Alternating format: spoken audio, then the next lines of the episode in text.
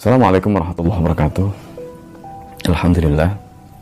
Wassalatu ala rasulillah wa ala alihi wa sahbihi wa mawala Para pemirsa yang dimuliakan Allah Rasulullah Wasallam diabadikan sifatnya di dalam surat At-Taubah ayat 128 Ayat ini menceritakan bagaimana sosok Rasulullah Sallallahu Alaihi Wasallam.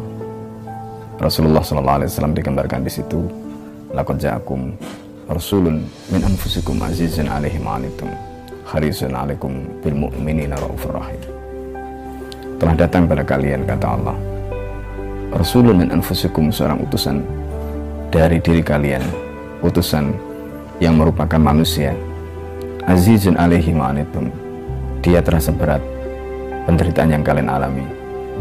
Harisun alaikum dan dia punya ambisi pada kalian bil mu'minin agar kalian menjadi orang-orang yang beriman Raufun Rohim dan dia punya sifat rofah kasih sayang dan rohim para pemirsa itulah gambaran tentang karakter yang digambarkan oleh Allah di dalam diri Rasulullah SAW Rasul inilah yang dilahirkan di tengah kita untuk mengemban risalah sifat yang digambarkan di dalam surat At-Taubah ayat 128 itu dibentuk oleh Allah Rasulullah Shallallahu Alaihi Wasallam menyatakan adabani rabbi fa ta'dibi Allah lah yang telah membentuk adabku. Allah lah yang telah mendidikku.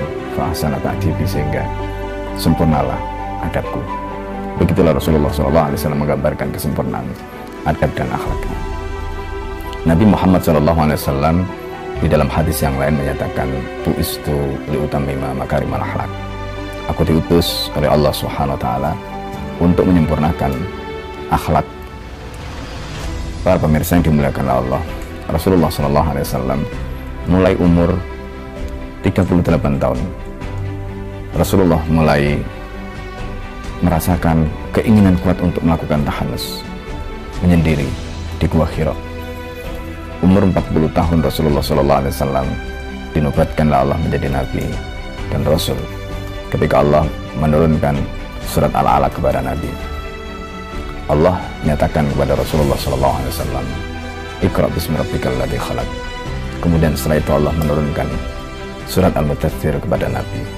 Di sana ada perintah fa'anbir, berilah peringatan. Perintah memberikan peringatan itu sekaligus memaknai eksistensi Rasulullah sebagai seorang nabi, sebagai seorang rasul yang mendapatkan titah untuk berperingatan kepada umat manusia. Maka sejak perintah itu Rasulullah SAW dengan wahyu yang Allah turunkan kepada Nabi resmi menjadi Nabi dan Rasul. Rasulullah SAW dengan karakternya yang digambarkan dalam surat At-Taubah ayat 128 tadi memang kemudian akhirnya betul-betul menjalankan amanah menjadi seorang Nabi dan Rasul. Dan itulah yang kemudian dilakukan oleh Nabi Shallallahu Alaihi Wasallam ketika Allah di dalam surat Asy-Syu'ara ayat 214 menyatakan kepada Rasulullah wa andir ashiratakal akrabin berilah peringatan olehmu keluargamu yang paling dekat. Sejak saat itu Rasulullah Shallallahu Alaihi Wasallam dengan ambisinya yang kuat. Maka Rasulullah ketika mendapatkan wahyu yang pertama Rasulullah sampaikan pada Khadijah. Sejak saat itu Rasulullah mengatakan pada Khadijah ya Khadijah la rohata badal yaum Wahai Khadijah, tidak ada lagi waktu istirahat setelah hari ini. Ya Khadijah, kodra waktu nom. Wahai Khadijah, waktu tidur sudah habis. Begitulah kesungguhan Rasulullah menjalankan amanah Allah Subhanahu wa taala. Rasulullah betul-betul all out menjadi nabi dan rasul mengemban amanah. Saking beratnya amanah itu ketika Rasulullah SAW mendapatkan wahyu hingga sahabat pun merasakan bagaimana beratnya wahyu itu diterima oleh Rasulullah SAW. Rasulullah betul-betul menyingsingkan lengan siang malam Rasulullah berjuang berdakwah di tengah-tengah umatnya. Dimulai dari keluarga paling dekat. Rasulullah mengajak Khadijah dan Khadijah kemudian memulai Islam karena dakwah Rasulullah. Setelah itu Rasulullah kemudian mengajak saudara sepupunya Ali bin Abi Thalib. Rasulullah mengajak teman dekatnya Abu Bakar Siddiq dan dari tangan Abu Bakar Siddiq kemudian masuk Islam.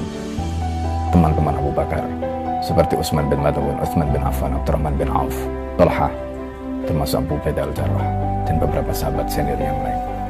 Mereka ini adalah orang-orang yang merupakan generasi awal, as-sabiqun al-awwalun, generasi awal. dan mereka ini adalah merupakan sel-sel yang merupakan hasil perkutan yang dilakukan oleh Rasulullah SAW dimulai dari Rasulullah menjadi sel yang pertama Khadijah, Ali, dan Abu Bakar dan kemudian dari sana berkembang sel itu menjadi banyak dibentuklah kemudian oleh Nabi SAW pembinaan. Mulailah ada kelompok pembinaan yang pertama kali dan itu kemudian disebut sebagaimana dalam Sirah Al-Halabiyah dengan istilah halqah. Mereka mulai membentuk kajian-kajian kelompok-kelompok kecil.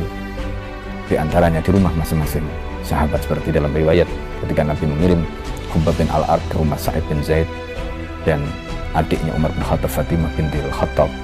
Kemudian ada pertemuan umum yang dibikin oleh Rasulullah di rumah Al-Arqam bin Abil Arqam di dekat sofa di situ mereka mulai melakukan aktivitas intensif secara terus-menerus pembinaan dilakukan, wahyu turun disampaikan kepada mereka. Mereka diajari bagaimana tata cara beribadah, mereka dikuatkan akidahnya, begitu juga bagaimana pembentukan akhlak dan adab mereka.